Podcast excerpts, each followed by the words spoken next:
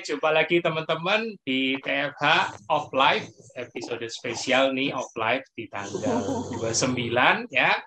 Uh, ini di episode Off Life terakhir di Nataru, Natal tahun baru 2021. Nah, habis ini apakah Januari kita masih off live atau tidak? Nanti tunggu aja pengumuman di Mas Tio. Siapa narasumber kita hari ini? Ah, teman-teman pasti sudah sering sering mendengar, sering melihat postingannya di Facebook. Saya mau sapa Mbak Andini. Halo Mbak Andini. Halo Bobi. Mohon maaf, baru sekarang bisa. Sebenarnya udah masuk radar dari November. ya apa-apa. Iya, soalnya kan uh, postingannya Mbak Andini seputar apa ini vitiligo berselingkuhan dan kayaknya Mbak Andini cukup update ya karena ini, ini kayaknya layak untuk untuk di share gitu. karena aku juga mantau akhir-akhir ini banyak yang nanya tentang seputar vitiligo ya kan. Yeah, Tapi sebelum ke sana dan pastinya Mbak Andini cukup lama ya nih ya sudah berapa tahun berkait. Saya tak bulan ini lima tahun. lima tahun, lima tahun, lima tahun, tahun, ya lima tahun pastinya banyak off apa bukan off up and down-nya, ya, ya kan. Iya. Kemudian nanti tips dan triknya. Dengar-dengar Mbak ini juga sering ini loh, sering mentorin loh. Tapi sebelum ke sana, yuk Mbak, monggo diceritain awal-awal tahu KF ya kan dari mana kemudian apa hmm. yang menyebabkan Mbak Andi ini mau ber-KF itu dulu deh. Oke dari situ dulu ya. Mm-hmm. Nah, jadi gini kok ceritanya. Jadi mm-hmm. saya dapat pijakan mm-hmm. beberapa kali dapat pijakan uh, bahwa karbohidrat itu memang sesuatu yang harus kita kontrol gitu kan. Oh, dulu waktu vitiligo sudah begitu ya? Udah Oh, saya itu saya itu saya jadi uh, itu da, sebelum saya vitiligo berbentuk yang besar ya Kohe ya. Oh, oh, oh, itu what, jadi saya vitiligo gini uh, saya itu vitiligo yang pertama itu 2009 2009 2009 ya vitiligo 2009, pertama. vitiligo hmm. pertama.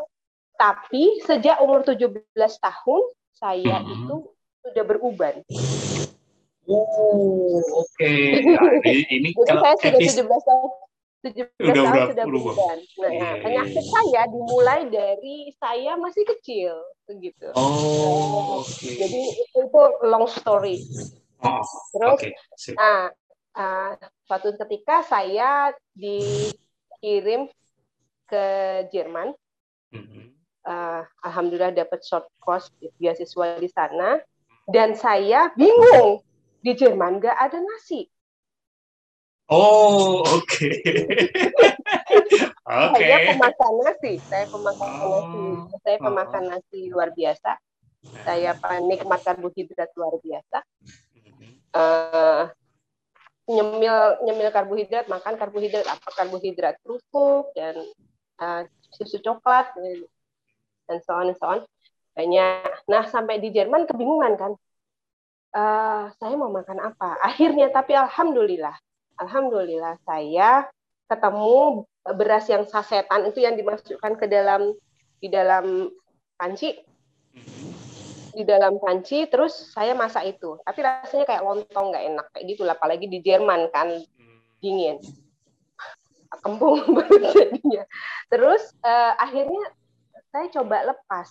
Saya coba lepas saya coba lepas karena saya nggak sempat masak karena itu kan ke saya harus keluar dari rumah habis subuh jam kan subuh waktu itu jam 6 jam 6 sore eh 6 pagi pulang sampai rumah eh, pulang kelas itu selesai kelas jam 4 saya nggak mungkin hmm. masak dong. Nah, akhirnya saya beli doner kebab. Hmm. doner kebab. Nah itu. Akhir tapi saya nggak makan eh, apa kentangnya itu saya nggak makan. Saya juga mak cuma makan ayam gitu. Kenapa? Karena uh, sebah ya. Hmm. jadi sebah gitu. Tidak enak. Terus uh, saya pikir pulang dari situ berat badan saya akan naik gitu kan. Hmm. udah terima aja gitu kan. Hmm. terima aja. eh saya berat badan saya nggak naik loh. Berat badan saya turun malah turun. Pulang ke Indonesia saya pikir saya over apa lebih lebih berat sekitar 5 4 kilo gitu ya. Hmm. Tapi enggak tuh malah turun kan malah satu. Turun. Oh. Nah, terus, Berapa lama di sana, Mbak? Sorry. Sekitar 4 bulanan ya, 4 bulan. Oh, 4 bulan ya. Kos 4 bulan. Oke. Okay. Terus lanjut. Terus udah gitu itu pijakan pertama. Pijakan kedua, vitiligo itu kan di keluarga saya bukan sesuatu hal yang aneh dan itu memang sudah ada di keluarga saya dan ada beberapa yang kena, gitu hmm. kan. Uh -uh. Terus uh, ada uh, uh, ada pijakan yang saya dapat bahwa vitiligo uh, salah satu anggota keluarga saya itu bisa sembuh saat dia ada di luar negeri dan dia banyak berjalan serta dia kurang makan nasi. Oh, oke, okay. itu pijakannya ya. Nah, pijakannya, pijakan. Berarti kan satu satu satu karbohidrat, yang kedua olahraga. Hmm. Oke, okay. terus uh, pijakan yang ketiga saat saya uh, eh, 2009 kena vitiligo di muka, saya bukan hmm. di apa kanan, tapi di pipi ada sekitar 4 cm. Hmm. Itu saya bisa menghilangkan itu dalam empat bulan. Oh, iya? How to, how to do-nya biasanya mengurangi karbohidrat. Hmm, Oke. Okay. Saya kebetulan di Ternate waktu itu, uh, Mas dapat tugas di sana, saya mendampingi. Uh, saya cuma di Ternate itu kan nggak ada susah dapat daging saat itu ya saat itu yang uh. sekarang sudah cukup lama meninggalkan. Yang yang mudah adalah ikat deri iya betul betul apa pun saya setiap hari saya bisa makan sehari tiga kali makan ikan hmm. gitu toh hmm. nasi itu sudah saya ganti pakai nasi hitam saat itu saya asal pulang ke Jakarta saya bawa beras uh, di, jadi saya nggak bawa baju karena di rumah ada ada baju jadi hmm. saya, saya hmm. bawa koper koper kosong pulang bawa beras gitu karena waktu itu beras hitam nggak ada di Ternate dan itu hmm.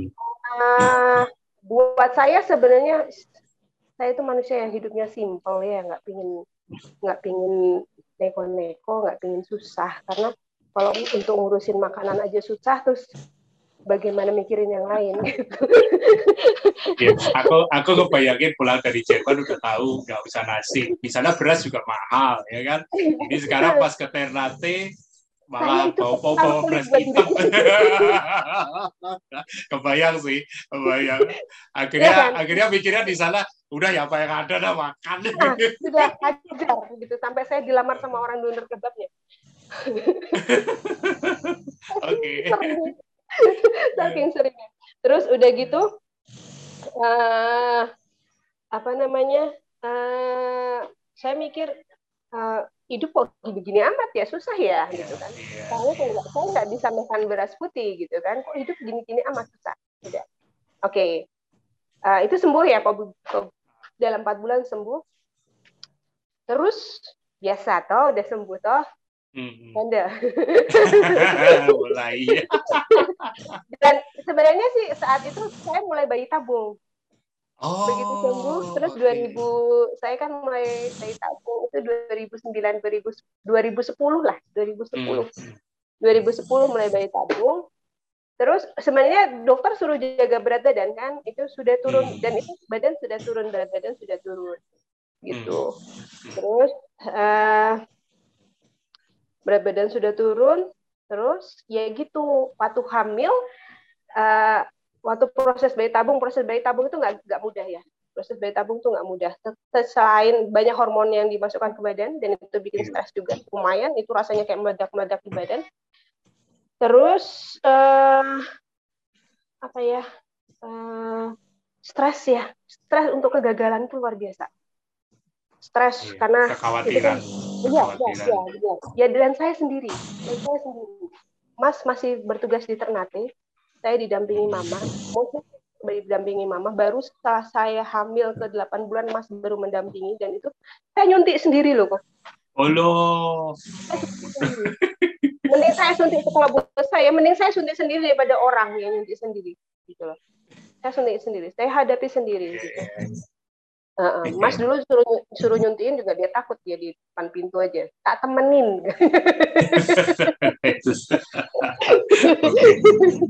Terus baru uh, uh, uh, uh, TV uh, TV frekuensi uh, saya uh, saat hamil ya dengan kekhawatiran-kekhawatiran kan ini bayi susah yeah. dapatnya gitu kan yeah, yeah. harus iya. dijaga gitu kan yeah, betul. dan saya ha harus hadapi sendiri karena Mas itu baru setelah 8 bulan baru mendampingi saya physically karena uh, ya dia dia perhatian luar biasa dia dia telepon hampir hampir tiga jam sekali dia ini tapi kan ya beda ya tetap yeah orang hamil itu memang tuntutannya tinggi dan memang ya begitulah. Pada dasarnya kan saya manja. Diwaklui. ya itu dan uh, waktu di awal kehamilan itu sama sekali nggak bisa masuk nasi. Masuk nasi itu susah. Oh. Masuk nasi itu susah. Terus hanya bisa makan ubi ungu jadi Ata itu di awal kehamilan itu cuma bisa masuk ubi ungu kayak gitu kayak gitu. Terus eh, berapa bulan gitu kita saya pindah ke rumah sakit, pindah dokter. Hmm. Itu dokter menyarankan untuk uh, setelah diperiksa adalah terlihat kecil gitu di dalam perut. Mbak makan karbohidrat, Mbak. Nambah. Loh, saya disuruh makan karbohidrat. ya saya hajar pakai es krim. Kesempatan. Kesempatan. ya saya doyannya es krim, doyannya coklat gitu-gitu kan. Hmm, saya hajar pakai es krim. Akhirnya walhasil di enam bulan itu pendarahan. Aduh. Stres nggak? Saya tabung enam bulan pendarahan, bapaknya saat itu posisinya ada di Jogja sedang pendidikan. Uh -huh. Saya masuk rumah sakit tanpa didampingi suami, kembali tanpa uh -huh. didampingi suami, ditangisi sama mertua. Uh -huh. ya bisa kalau buat kami itu ya ada part of risk ya. Nah, iya, saya sudah iya. tanda tangan di awal kan, saya sudah tanda hmm. tangan di awal bahwa ya sudah itu uh, memang saya sudah tanda tangan, saya sudah ACC, saya sudah tahu posisi saya, saya siap hmm. menghadapi apa pun. Tetapi hmm. memang mungkin uh, ya uh, nggak nggak se-easy itu, nggak semudah itu untuk untuk ngelakoninya gitu ya. Hmm. pasti ada pasti ada kemanjaan-kemanjaan yang ingin dipenuhi gitu toh. Nah, terus udah jadi selama hamilan tuh TV. Terus uh, dari sejak itu saya di kursi roda. Saya di kursi roda, nggak berani. Waktu pertama-tama itu Atala asal makan, itu kalau saya makan, hmm. saya kembung, dan itu perlu gerak bergerak dulu untuk uh, saya menghilangkan kembungnya itu. Jadi waktu itu sebenarnya sebenarnya sebenarnya sebelum saya makan es krim itu aman-aman saja. Gitu. Hmm, tapi pada saat masuk karbohidrat harus ini. Dan itu satu liter. Bulog. aku kebayang aku dulu operasi mandul ya. Yuda, disuruh loh ya, disuruh dokter gitu. Lakukan pembenaran. tapi tapi bobot Ata waktu itu normal ya? Karena sudah masuk. Nah. Enggak, makanya lahir 2,1. Yo elah. Begitu masuk dia langsung masuk NICU adalah lahir. Stres, double stress, eh, no, double stress, triple stress. Berarti resep dokter kadang-kadang tidak manjur juga.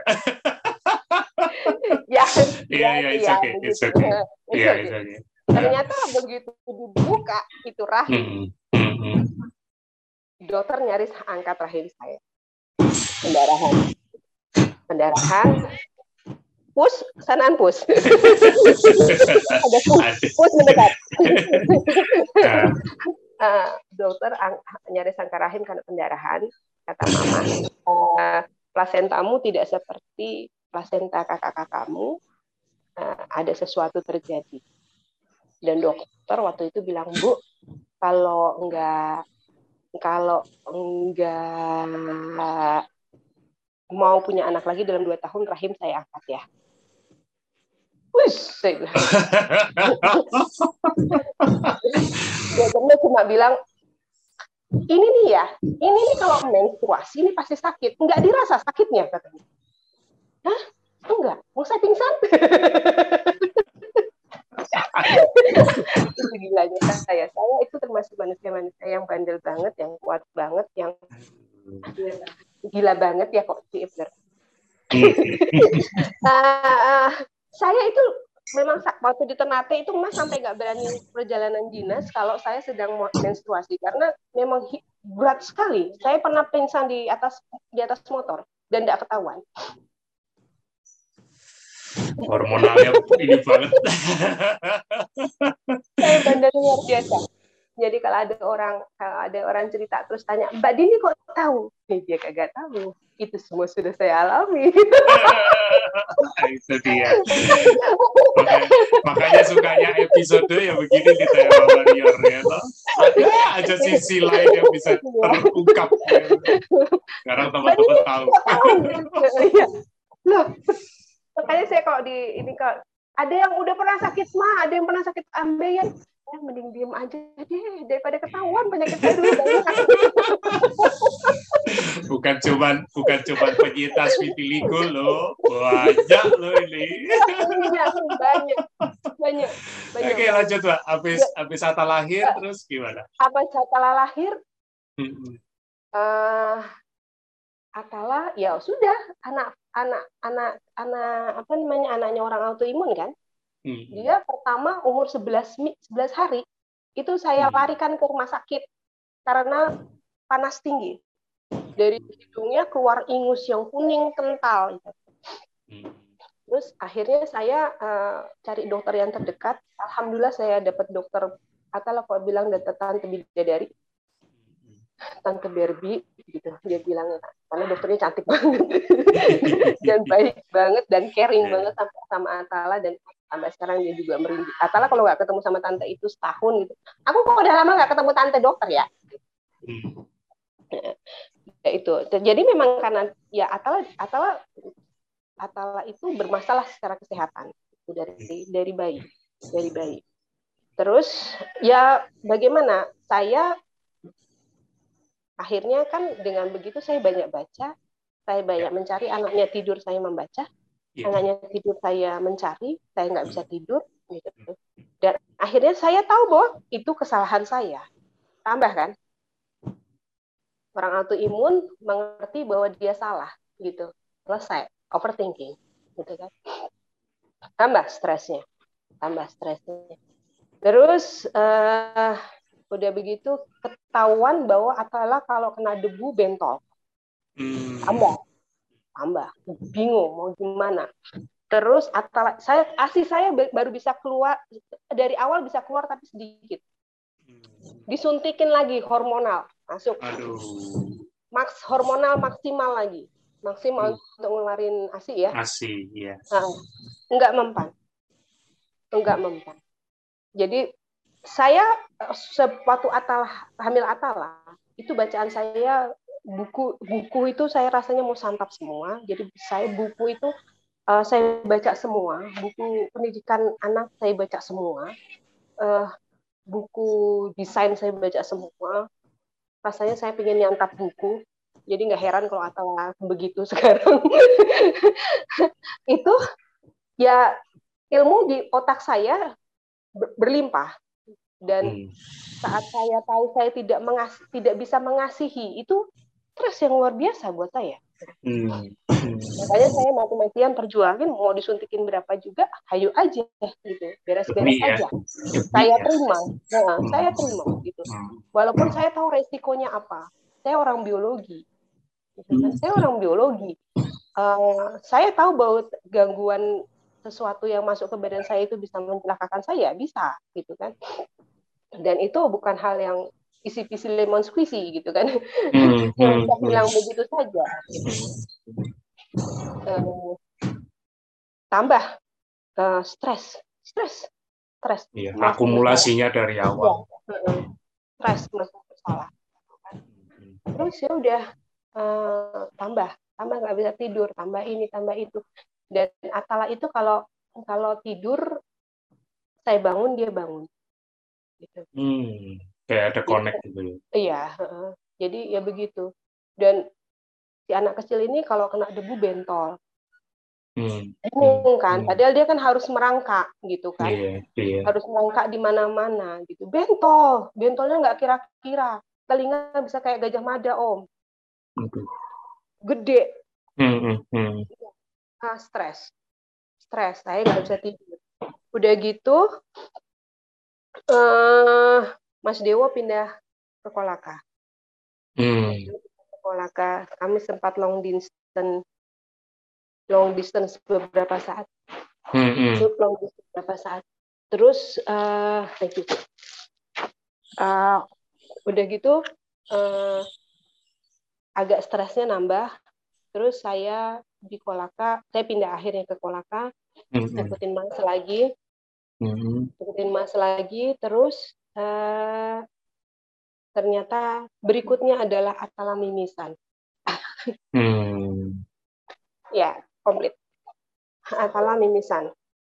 Dari okay. kelima anak saya, anak saya memang yang kandung satu, tapi uh, ponakan-ponakan saya itu udah nggak udah bukan rasa keponakan lagi buat anak-anak. Jadi kelima anak saya itu memang yang paling paling paling spesial pakai telur bener kata siang penyakitnya hmm. atala dan dia make me stress gitu hmm. terus udah gitu uh, apa namanya uh, kan saya terus mikir kok nggak mungkin hmm. nggak hmm. mikir gitu kan hmm. apalagi orang autoimun gitu kan orang autoimun hmm. kalau selalu sedikit, sedikit terus. masalah hmm, terus jalan hmm. terus gitu hmm. kan hmm. Hmm. Hmm. Lama-lama saya jadi nggak keren nggak keren saya jadi nggak keren parnoan terus hmm. sangat gampang marah Hmm. Sangat sensitif, sensitif, ya. parnoan. Padahal hmm. saya itu dulu ngasuh anak-anak dengan dengan dengan penuh cinta. Uh, penuh cinta gaya saya katanya anak-anak hmm, katanya hmm. anak-anak cinta saya tidak terlihat kalau secara nyata tapi kalau secara dipikirkan kelihatan karena saya galak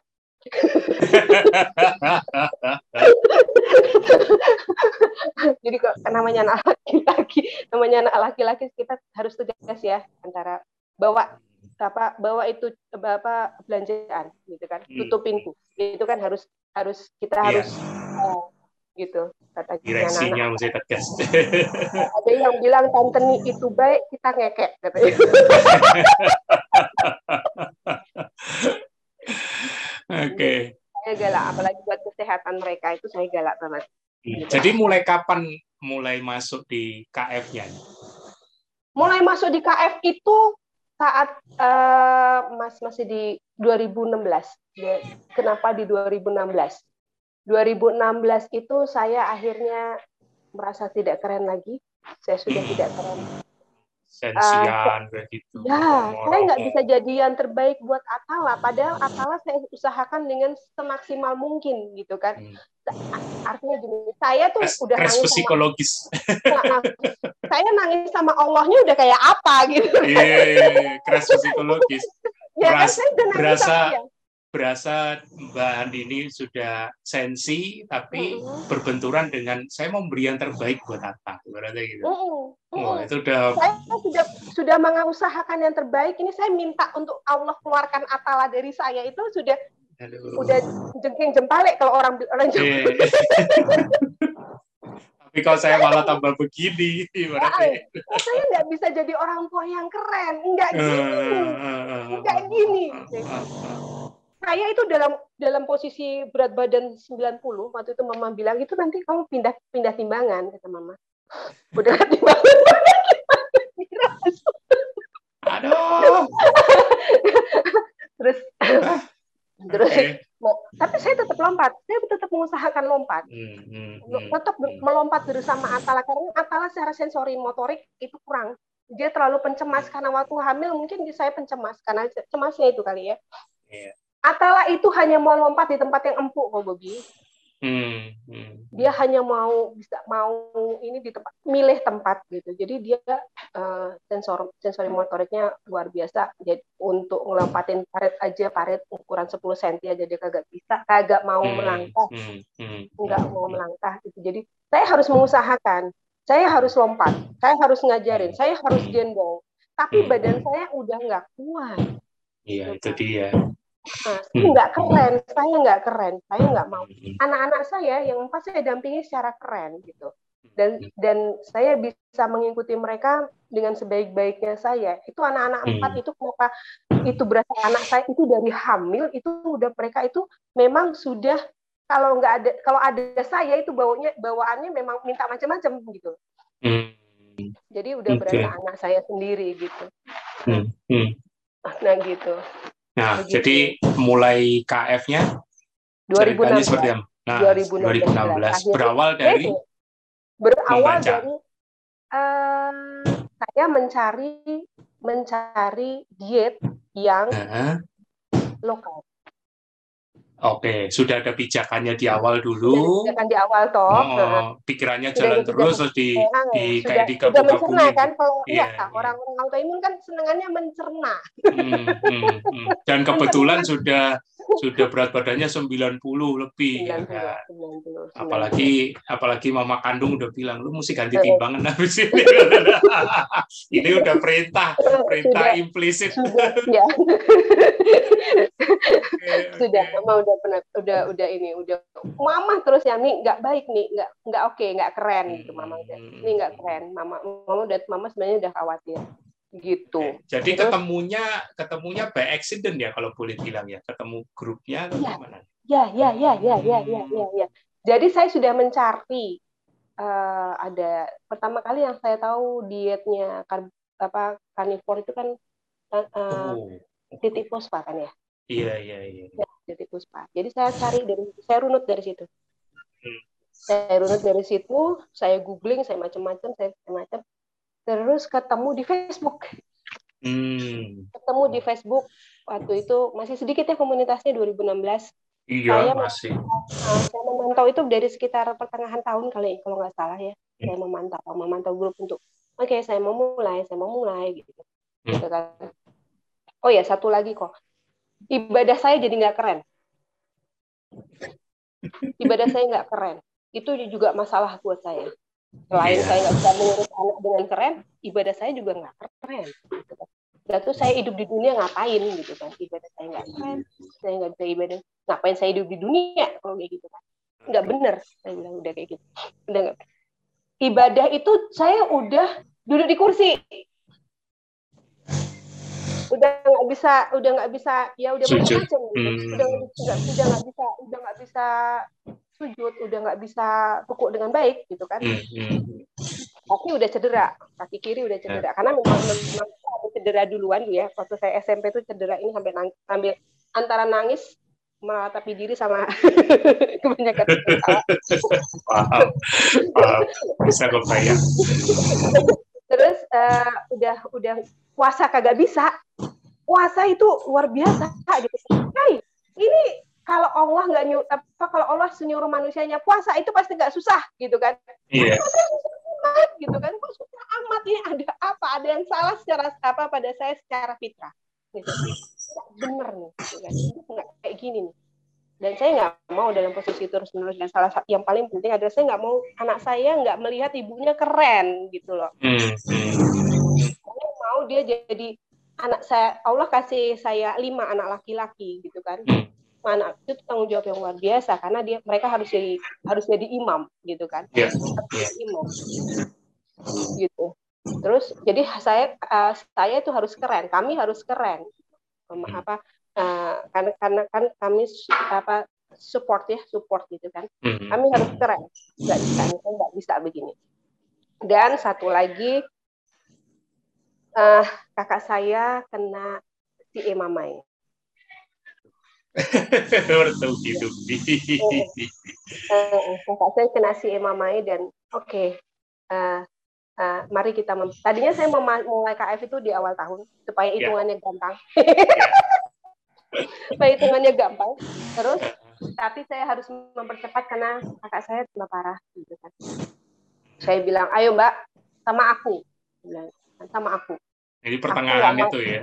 Uh, bukan, saya mulai di Desember. Awal oh, Desember. Desember. Ya, awal Desember.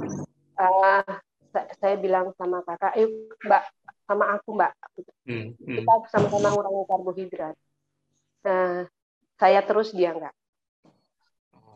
Okay. Saya saya, saya terus dia enggak. Uh, ya mungkin saya sudah bisa merasakan bahwa bahwa candunya karbohidrat itu luar biasa. Candunya karbohidrat itu luar biasa. Dan nggak segampang itu melepaskan orang dari candu karbohidrat. Iya, saya, memang sih. Sudah, saya memang. sudah saya sudah pernah sudah pernah dapat pijakan tentang itu, jadi saya ngerti. Iya, kalau dulu Mbak Andi ini nggak nggak ada short course terus nggak alternatif, hmm, hmm, mungkin susah juga ibarat.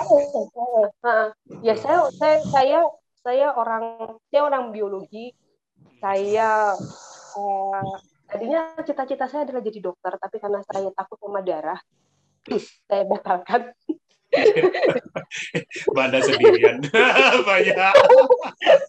Aku termasuk yang gampang lemes kalau lihat darah. Terus sama, lah kan biologi sama aja bedah-bedah gitu. saya nggak pernah bedah. bedah terus saya intip-intip. Saya nggak tega. okay.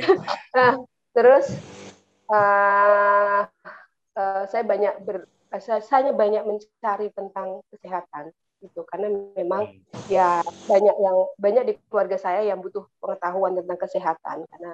Autoimun ini kan waktu itu hal yang semua kayak ngeraba-ngeraba dokter meraba gitu. Iya betul. Lima tahun yang lalu betul. Oh, dokter tuh masih meraba. Hmm. pengetahuan tentang autoimun tuh rendah banget.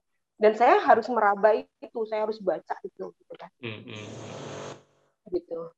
Terus ya udah uh, kakak saya sudah sampai waktunya di bulan Februari. Oh, okay. uh, uh, 2000, 2017 yeah. ya tapi saya terus. Saya terus. Hmm. saya terus. Dan katanya mam katanya mama jarang loh nih orang yang vitiligo tapi bangga kayak kamu itu itu menunjukkan menang atas stres yang atau lebih tepatnya merangkul stres yang di diada gitu. gitu. Jangan lo ada orang vitiligo yang bangga kayak kamu. Orang-orang iya, itu iya. vitiligo tuh ditutupin. Lah kamu di iya. muka dilebar-lebarin katanya.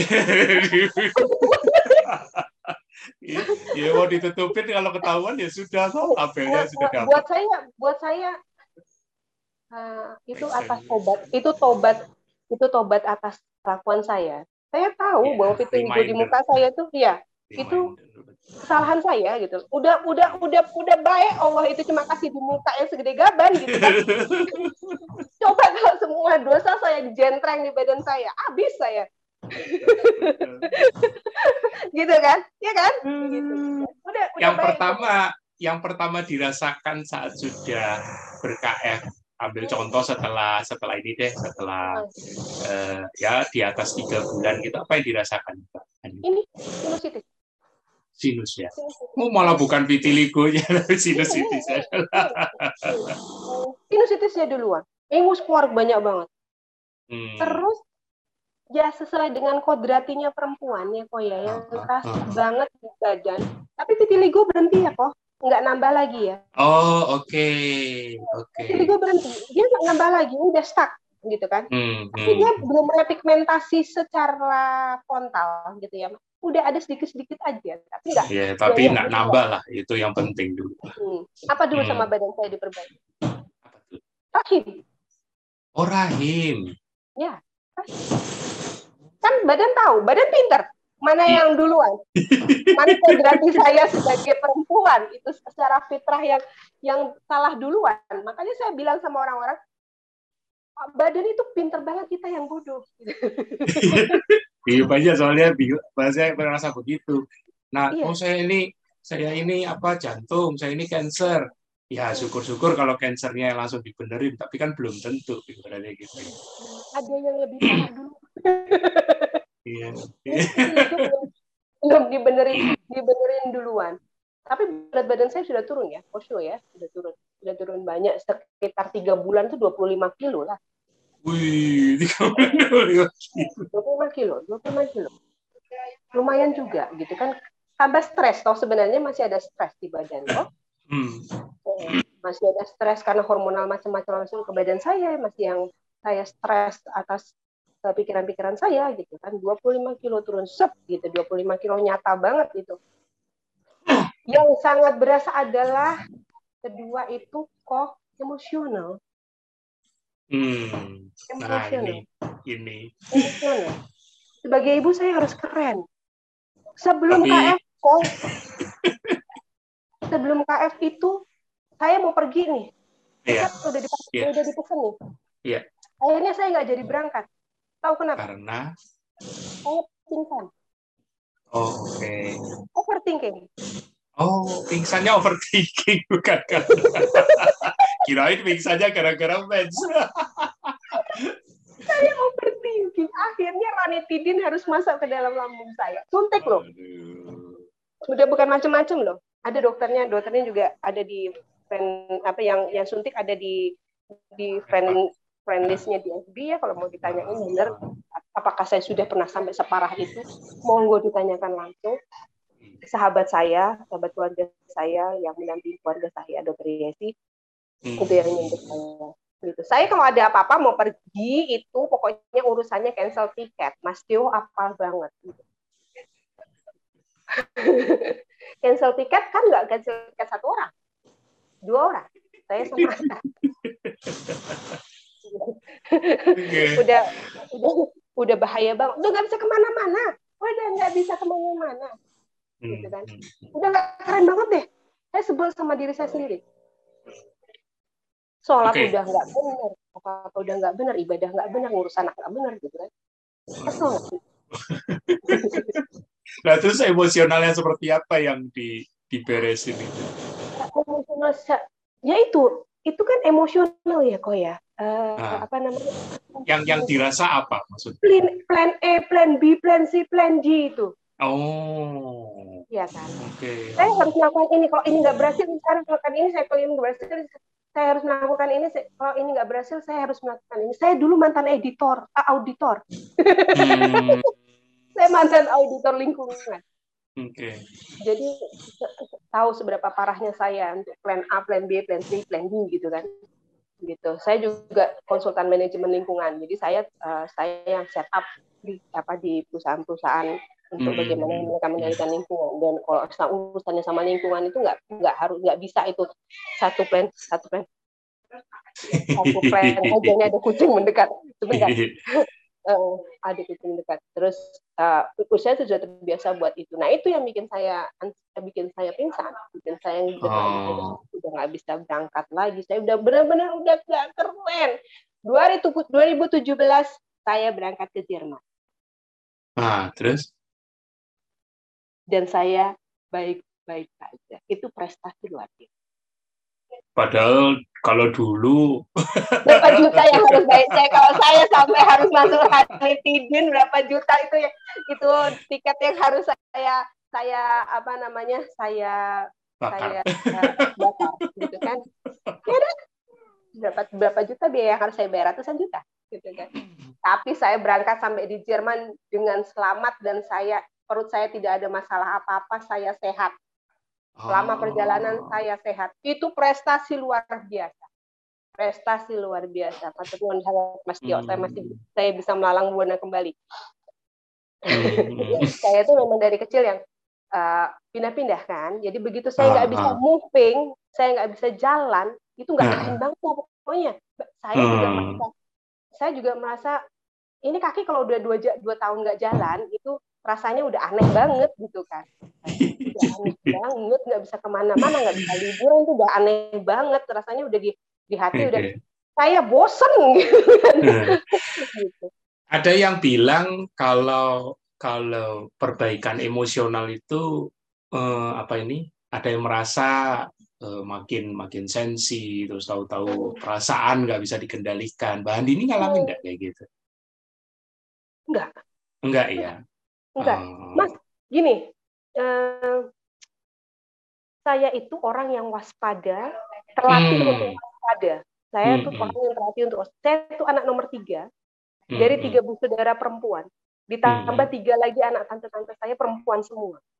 Dan saya dilatih sama ya, saya dilatih sama papa untuk menjaga. Oh. Jadi saya umur lima tahun itu sudah belajar karate. Papa saya ban hitam sudah dan dan berapa papa dan satu apa dan dua.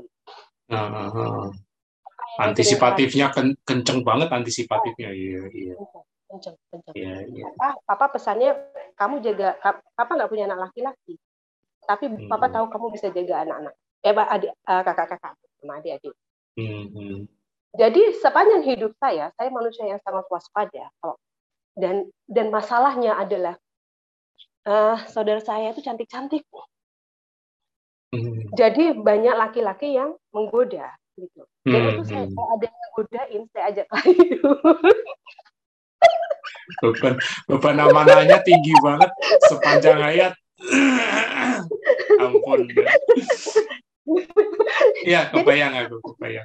jadi jadi jadi itu ya, beban stres tinggi ya. Tinggi, tinggi sekali, gitu. tinggi sekali. Dan saya bisa seka, kalau saya itu kalau saya lebih banyak menghindar masalah. Kenapa? Saya bisa ketawa sambil sambil naruh orang di atas pohon. Sampai sampai. Saya bisa nyangkutin orang sambil ketawa loh, gitu loh. Sambil ketawa itu. itu aku saya. aku udah kebayang waktu waktu tadi Mbak Adi cerita betapa tidak kerennya itu. Aduh udah kebayang aku. Gitu. Nggak klop nggak klop banget. udah Memang udah udah. saya sudah saya sudah give up gitu. Saya sudah give up sama Psikis, pola hidup saya sekarang gitu udah. psikisnya sudah ibaratnya sudah berat udah, banget memang. Sudah, ya, karena karena overthinking dan segala macam mm, ya kan? Uh, udah nggak keren banget udah nggak keren okay. tapi setelah KF banyak yang bilang saya sangat sabar Tapi dengan tatapan mata kayaknya bener ya. Saya sangat sabar. Tapi memang iya kok. Tapi memang iya. Dibandingkan sama yang dulu ya kok ya. Gitu iya, gitu kan. betul betul. Saya itu dulu ngejar ngejar bus yang nabrak saya di jalan tol. Yuk. Dia nabrak saya di Halim, ketangkep itu di depan Taman Mini. Buset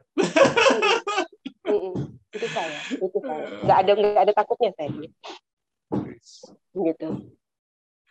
Begitu. Oke. Okay. nah, sampai boleh... soalnya banyak banget puzzle-nya ternyata muncul semua. Kalau orang melihat saya itu udah luar biasa bilang sampai atas sabar keluar dari mereka itu udah itu itu milestone banget itu.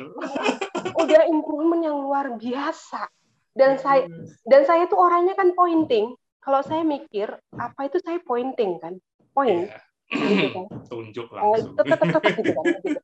dan itu memang orang nggak sembarang bisa nggak bisa nggak bisa nggak bisa terima. Ciang ciang ini itu termasuk orang yang kuat dia kan dia kan dia kan kulit badak sih. Iya, itu orang yang kuat. Karena saya kalau ngomong mau pointing gitu. Mas Dewo itu termasuk orang yang kuat dan sabar banget. Mas Dewo itu keren banget. Memang Allah sudah ciptakan buat saya memang. Armornya tebel. armornya tebel. Mas Dewo sabarnya luar biasa. Tapi aku aku tangkep sih logikanya. Jadi kenapa kok emosional dulu yang diberesin baru ditiligo ya kan? Rahim dulu, rahim dulu rahim iya rahim ya kan? Eh pertama kan sinus kan? Pertama kan sinus, kemudian rahim terus emosionalnya lebih kalem. Iya. baru iya. baru yang terakhir ini kan yang sering bahan ini share vitiligo jauh nah, vitiligo jauh coba dilihat di muka saya sebenarnya kan hmm. beda aku, antara aku, Iya, aku nggak aku nggak ngebayangin kalau dalam kondisi misalnya vitiligo duluan tapi stresnya masih belum beres, oh, emosional nggak bisa, nggak beres-beres. Itu dia udah pinter banget. itu bahan untuk pinter Makanya. saya yang bodoh saya yang memang memang harus emosional yang harus di, di, di maintain dulu kalau enggak vitiligo enggak keren Iya, gitu kan. kalau ada yang kalau ada yang bilang eh apa eh, secara banyak yang nggak sabar. Banyak yang nggak Iya. sabar mbak. Iya, intinya iya, nggak iya. yang sabar Iya. itu aja. Secara emosional itu harus keren dulu baru lu bisa sembuh. Vitiligo bagaimana caranya? Adalah menurunkan karbohidrat dulu. Karena karbohidrat ini loh yang bikin Iya. kamu nggak keren gitu loh. Ya, yang iya. bikin kamu depresi itu si karbohidrat ini loh. Ya iya. Es krim satu liter. tujuannya supaya nambahin beratnya calon apa tapi ternyata ya Nggak kagak dapet. berat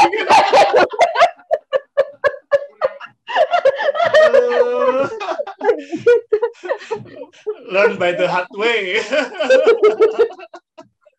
itu makanya kalau makanya nih Bu Bobi mau mau mau mau mau apa namanya mau saya jadi narasumber TFA ini ya harus kuat-kuat hati karena memang em, eh, saya ini yang sudah kalau mesin saya sudah sudah eh, dalam hitungan 2 3 tahun saya sudah nggak bisa jalan gitu kan. Begitu kan kalau hitungan mesin kan. Benar, benar. Kalau saya nggak berubah, Hmm, hmm. Nah, saya kalau gini gini maut meninggal itu ada waktunya Hmm, dan itu sudah ditentukan.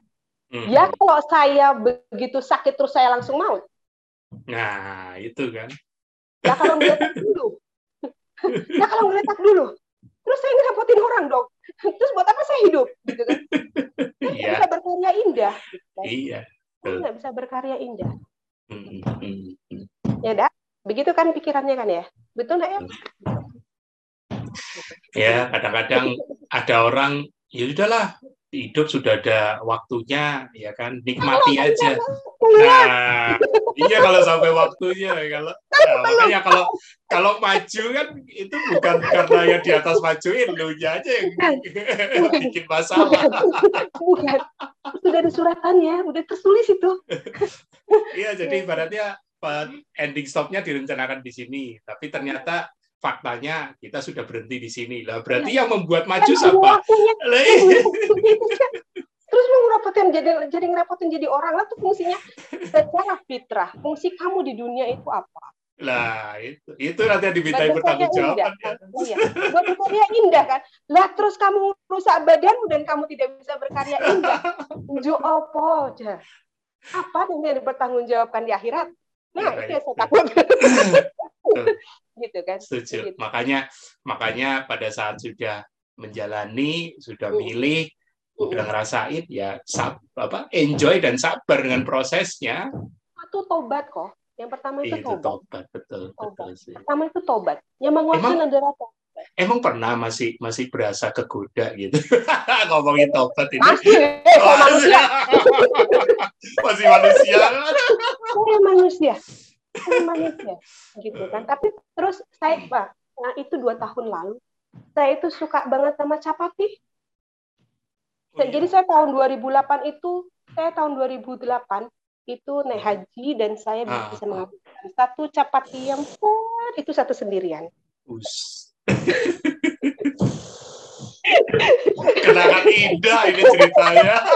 terus waktu saya masuk ke dalam eh, saya kembali diizinkan untuk berumroh dan itu prosesnya luar biasa. Itu prosesnya luar biasa dan itu saya tidak bisa membayangkan pada saat itu saya diizinkan kembali umroh. Saya nah. Itu. Terus saat di umroh saya ada capati kan? Ada capati saya taruh dia dalam di dalam lidah saya potongannya. Terus sambil saya mikir apakah itu berfungsi buat saya? Apakah itu buat kebaikan saya? Lepas lagi loh itu capati itu cap itu capatinya kalau bisa ngomong sialan. ya itu itu ujian ya ujian Iya sih. halo pus kamu Yes. pengen aku kamu apa gimana pus pakai ini ya pus Oke. gitu itu ujian dan dan lucunya dan lucunya eh, saat saya umroh itu saya kena MERS ya yang penyakit yang Oh mirip MERS iya ya iya. Yang Ah, mirip sama COVID ya. East iya. Nah mirip sama COVID. Dan saya di situ dapat pijakan eh, saya puasa tidur. Apa MMR itu saya lakukan mereming ke merileks itu ya. Yes yes. Saya tidur sepuluh jam. Sepuluh jam. Dan saya juga saya saya juga nggak ngerti kenapa Allah pijakan itu kepada saya. Dan saat itu saat terjadi COVID saya pede loh megang orang yang COVID dan berpulih masya Allah. Banyak banget hasilnya saya pede loh pegang. Saya pede. Ini saya sudah punya melaksanakan dalam empat hari. Dalam empat hari itu selesai. Saya cuma tidur. Tidur. Tidur. Saya saya sengaja. Saya di depan Mekah di depan Ka'bah. Saya di depan Ka'bah waktu itu saya menstruasi jadi kenanya karena saya menstruasi kan turun hmm, iya, iya, iya, dan, dan kecapean hmm. dan kecapean udah saya bawa panadol kan dari eh, saya buat bawa obat dari dari dari dari Indonesia. Apa sebutin nggak apa-apa. obat dari Indonesia, terus uh, saya minum. Tujuan saya adalah saya harus tidur. Gitu. Hmm. Saya harus tidur. Saya ingat kata Mas Tio tidur, gitu kan? Hmm. tidur. Tidur saya harus tidur. Tidur saya. Terus uh, ya udah makan telur. Bangun, hmm. bangun saya makan telur. Hmm. Minum minum teh hijau, makan telur, minum hmm. VCO, masuk IHA sudah masuk IHA, tidur lagi saya. Hmm. Gitu aja. Empat hari saya pulih. Yang tetangga saya, tetangga kamar saya, itu dia kena juga. Hmm. Dia muntah-muntah. Hmm. Dia muntah-muntah, parah banget, parah banget banget gitu tapi saya pulih gitu dan saya hmm. saya pulih saya pulih terus uh, saat saya mer itu saya saya kena itu hmm. dalam mimpi saya saya dicuci memorinya sama Allah hmm. nah itu itu pengalaman pengalaman ritual ritual saya yang luar biasa setiap saya batuk dia hmm. saya disuruh nyebut nama Allah. Benar-benar di di Benar-benar. di tempat ini jangkar hidupnya. Terus sama satu lagi, udah jangan mikirkan masa lalu. Hmm. Jangan menyesal atas masa lalu. Di depanmu itu kamu harus jalan. Kamu si harus panjang. jadi orang. Hmm, hmm, ya. Hmm. Itu setiap batuk kok dan batuknya tuh kurang ajar batuknya itu ya Allah Kaki itu sampai ngangkat loh, benar-benar kaki sampai ngangkat. Kaki kencengnya dahaknya, kaki kencengnya dahaknya, kaki sampai ngangkat. Itu berhenti kalau saya bilang, ya, saya bertobat. Ya, saya bertobat. Makanya bisa lupain capat.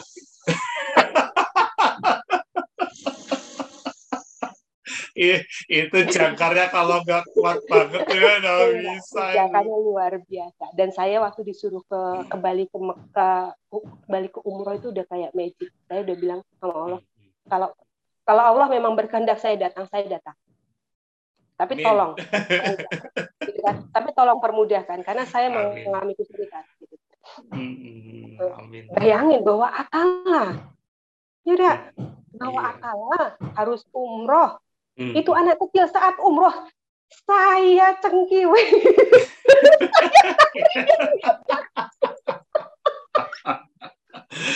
Aduh. Ya Allah, Masya Allah. Gitu kok. Jadi ya begitu. Mbak, selama lima tahun berKF, hmm. ya kan? Hmm. hmm. lumayan sudah bisa, teman-teman sudah bisa dapat. Hmm. Hmm. Hmm. Ke share satu momen boleh tapi tadi banyak up-nya ya. Banyak up-nya dan juga ada beberapa yang down. Share satu momen yang paling berkesan selama lima tahun berKF eh, terlepas dari yang tadi sudah diceritakan ya. Boleh up atau down? Ada lagi nggak? Satu aja share. Apa atau down? Saya tidak pernah merasakan down ah itu macam tidak pernah merasakan saya tidak pernah merasakan down karena saya berdasarkan tobat. Nih, Kekuatan saya adalah anak-anak saya. Saya saya nggak keren, saya nggak bisa menghasilkan anak-anak keren. Ini. Tidak. Ini loh, spirit ini yang dibutuhkan. itu harus tem harus temuin motivasinya itu drivennya driven pose kembali ke tujuan hidup anda di dunia hmm.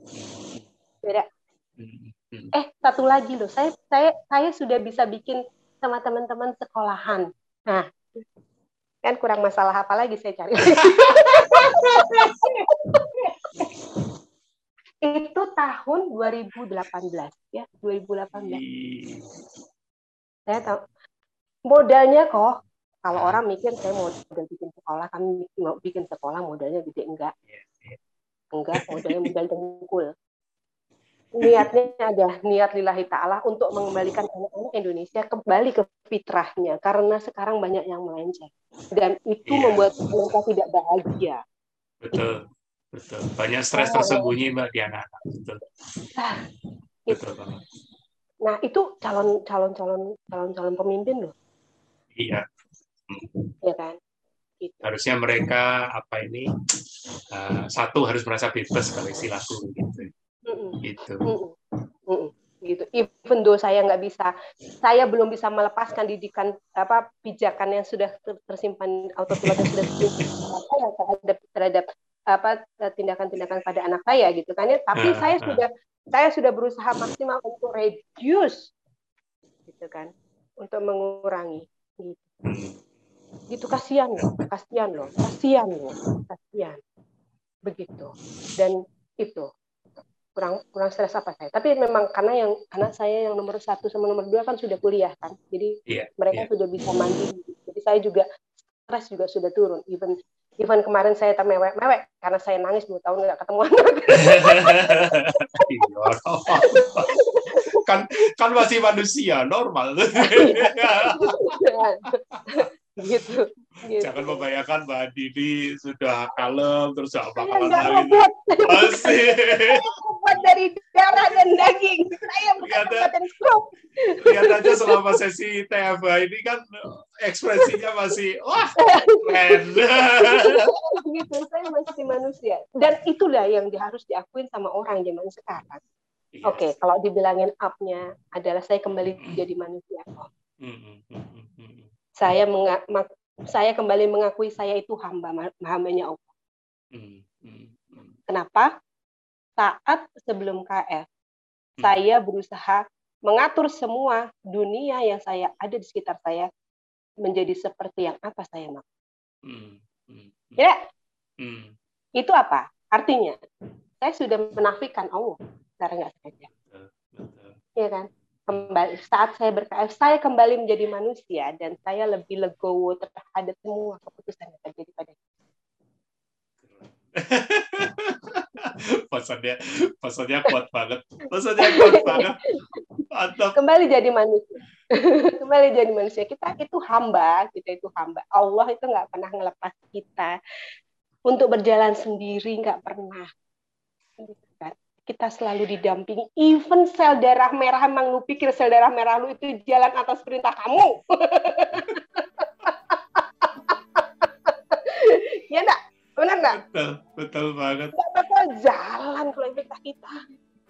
Kadang kita merasa kita udah siapin, kita sudah pers apa eh, cepai ya kalau orang Jawa bilang terus kita sudah perintahkan meditasi apa pun tapi kalau kalau dasarnya kita tidak ikhlas ya ya susah, iya. tidak akan optimal. Gitu.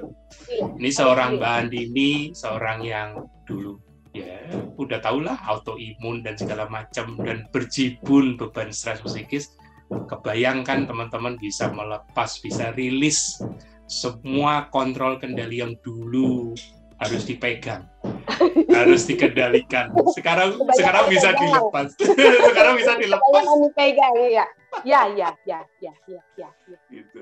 ya. tapi coba lihat dengan melepas itu semua justru apa yang dulu didambakan malah didapat iya betul itu keren Terus, itu keren banget tetap jadi manusia tetap jadi hamba Allah kamu bukan bukan Tuhan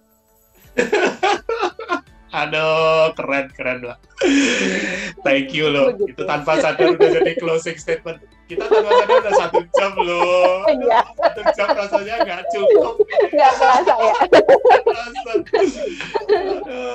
Jujur, jujur sebelum sebelum TFA, Mbak Didi juga sudah sempat pikirin aduh aku nggak perlu bikin slide kan nggak mbak cerita kalau, aja kalau aku bikin slide itu overthinking nanti saya iya kapan udah selesai selesai Iya. penting nggak penting ngobrol nggak cukup sepuluh betul sih